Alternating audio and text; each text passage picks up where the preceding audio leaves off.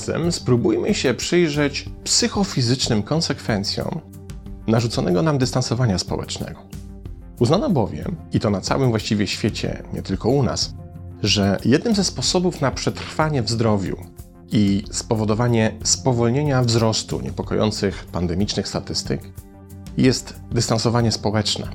To zaś oznacza kilka rzeczy, które pozornie wydają się nie mieć ze sobą bezpośredniego związku. Na przykład utrzymywanie pomiędzy sobą odpowiedniej odległości, unikanie zgromadzeń powyżej dwóch osób, noszenie rękawic ochronnych i masek. Wszystko to ma na celu uchronić nasze zdrowie, ale z drugiej strony rujnuje pośrednio nasz system odpornościowy, zaś źródłem tego jest to, co zacznie się dziać w naszych głowach. Coraz częściej bowiem słychać głosy, że i owszem, po poradzeniu sobie z pandemią czeka nas jej druga fala, jednak tym razem ma to być fala problemów psychologicznych, która swoim zasięgiem obejmie dużo większą rzeszę ludzi niż możemy podejrzewać. Tym bardziej więc warto zmniejszać to zagrożenie, począwszy od zrozumienia, w jaki sposób obecnie funkcjonujemy i jakie neuronalne procesy towarzyszą temu funkcjonowaniu. Otóż nasz mózg to wbrew pozorom nie jest specjalnie skomplikowane urządzenie, o czym się łatwo przekonać, stosując najróżniejsze triki, o których już na moim kanale wiele razy opowiadałem. Pozwalające nam łatwo go oszukać. Tak się dzieje na przykład w kontekście formowania nowych nawyków, umiejętności uczenia się czy korzystania z myślenia dystynktywnego lub kontrfaktycznego. Tenże organ posługuje się całą masą zautomatyzowanych procesów kognitywnych czy adaptacyjnych, które da się prześwietlić i z pożytkiem wykorzystać.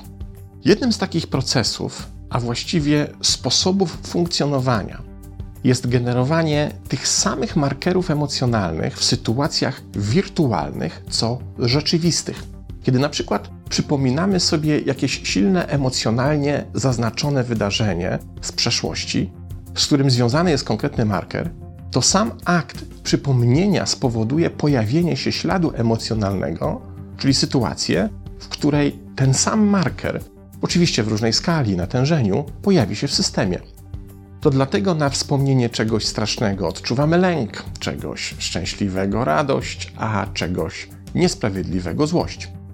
A przecież wspominana sytuacja nie wydarza się tu i teraz w realnym świecie. Pochodzi z przeszłości, co oznacza, że jest zapisem zapamiętanych zdarzeń, a nie zdarzeniem rzeczywistym. Jednak mózg zdaje się nie widzieć tej różnicy i generuje podobny pakiet emocjonalny, co wówczas kiedy taka sytuacja rzeczywiście miała miejsce.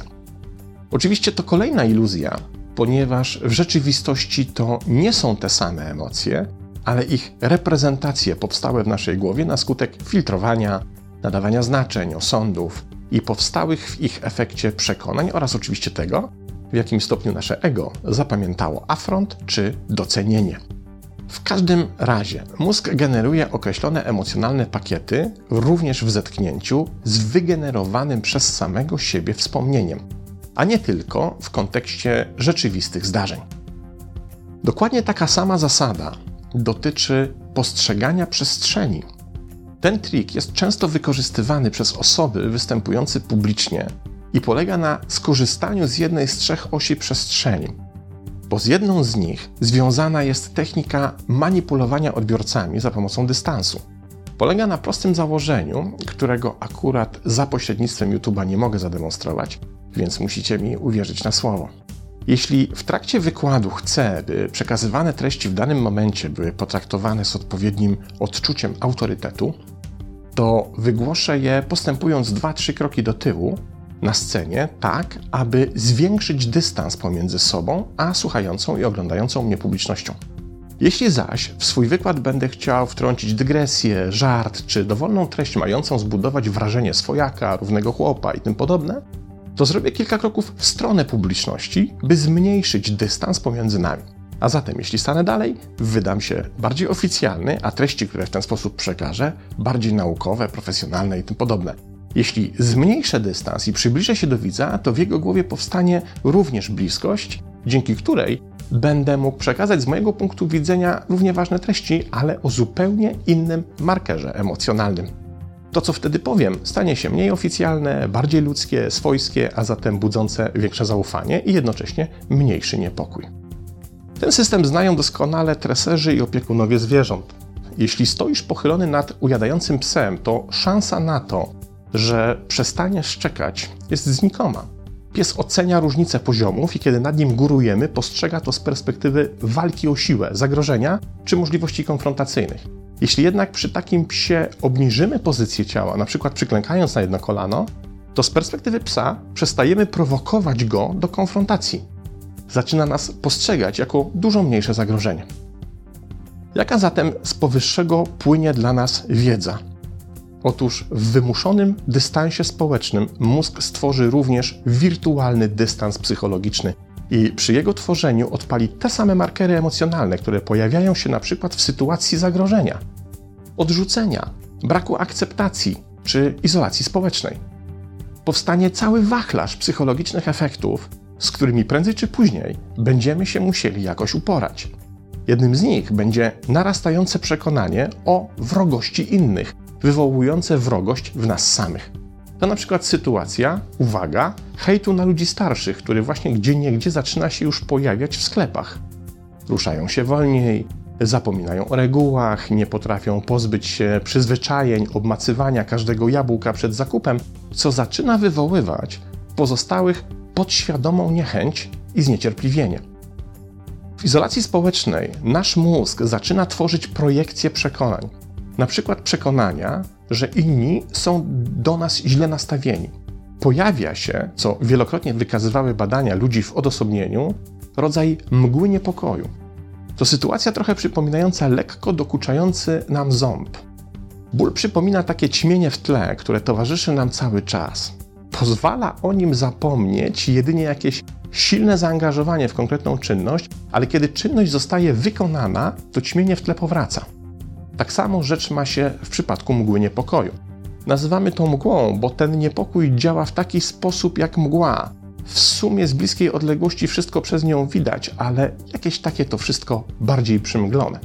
Oczywiście nie ma tu miejsca i czasu, by wymieniać wszystkie skutki pojawiające się w mózgu podczas długotrwałej ekspozycji na izolację społeczną. Zapamiętajmy jedynie to, co najważniejsze. Im dłużej będzie utrzymywany fizyczny dystans od drugiego człowieka w rzeczywistości, tym większe zdystansowanie ze wszystkimi swoimi skutkami wytworzy nasz mózg na planie psychicznym. I co zdaje się chyba jest największym paradoksem tej sytuacji. Im dłuższe działanie tych faktorów, tym większe obniżenie naszej fizycznej odporności, bo to, co się dzieje w naszej głowie, ma zasadniczy w tym kontekście wpływ na nasz system immunologiczny. Kto nie wierzy, niech sprawdzi, kto i za jakie odkrycie dostał Nagrodę Nobla w dziedzinie medycyny w 2018 roku. No dobrze, jak zatem sobie z tą przymusową sytuacją poradzić? Otóż jedynym sposobem, oczywiście według mojej wiedzy, jest wykorzystanie tej funkcji mózgu, która jest odpowiedzialna za kreowanie tych samych markerów w sytuacji wirtualnej, co rzeczywistej, czyli systemu odpalania efektów izolacji psychologicznej w sytuacji izolacji fizycznej. Skoro nasz mózg prowokuje do działania te same połączenia neuronalne w obydwu tych sytuacjach, to możemy wykorzystać to zjawisko i odwrócić ten proces. Żeby to zrobić, trzeba na czas przymusowej izolacji społecznej, wymagającej od nas dystansu do innych, wymusić skrócenie dystansu wirtualnego. A to z kolei oznacza, o czym już zaczynają przebąkiwać w poczytnych psychologicznych periodykach na świecie, zwiększenie częstotliwości kontaktów wirtualnych z innymi osobami. Wskazuje się tutaj następujące aktywności. Po pierwsze, zwiększenie kontaktów telefonicznych. Po prostu powinniśmy do siebie nawzajem dużo częściej dzwonić. Bez specjalnej potrzeby. Po prostu, żeby pogadać, żeby się usłyszeć, żeby wymienić się przeżyciami. Jednak pamiętajmy, żeby unikać koruminacji, bo to przynosi upłakane skutki. Zainteresowanych odsyłam do mini wykładu numer 65.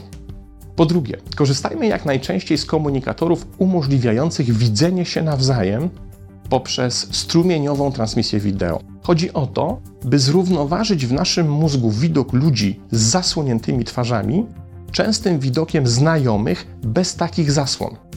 Po sieci już chodzą memy pokazujące wspólne imprezy poprzez Skype'a, na których wirtualnie trącamy się lampką wina, żremy chipsy i opowiadamy dowcipy. To wbrew pozorom wcale nie jest takie bezzasadne, bo nasz mózg dzięki temu wygeneruje markery, które zazwyczaj towarzyszą takiej właśnie imprezie w realu. Co jest istotne, jeśli macie możliwość, to wykorzystujcie do tego technologię Smart TV. Widok roześmianych twarzy znajomych na dużym ekranie w salonie w dużo lepszym stopniu dla naszego mózgu zasymuluje ich realną obecność w tym miejscu. I tutaj warto dodać, samo oglądanie telewizora, czyli obcych ludzi biorących udział w telewizyjnych programach, nie działa w ten sposób. Działa to wyłącznie wówczas, kiedy w takich kontaktach powstaje interakcja, czyli kiedy bierne oglądanie zamienia się w czynny proces obustronnej komunikacji. Po trzecie, kiedy jesteśmy w przestrzeni publicznej i spotykamy inne zamaskowane osoby, pamiętajmy, że oczy też się śmieją. I korzystajmy z tej ich funkcji najczęściej jak się tylko da. To również spowoduje, że mózg zacznie wytwarzać endorfiny, które są nam w tym czasie szczególnie potrzebne. Pozdrawiam.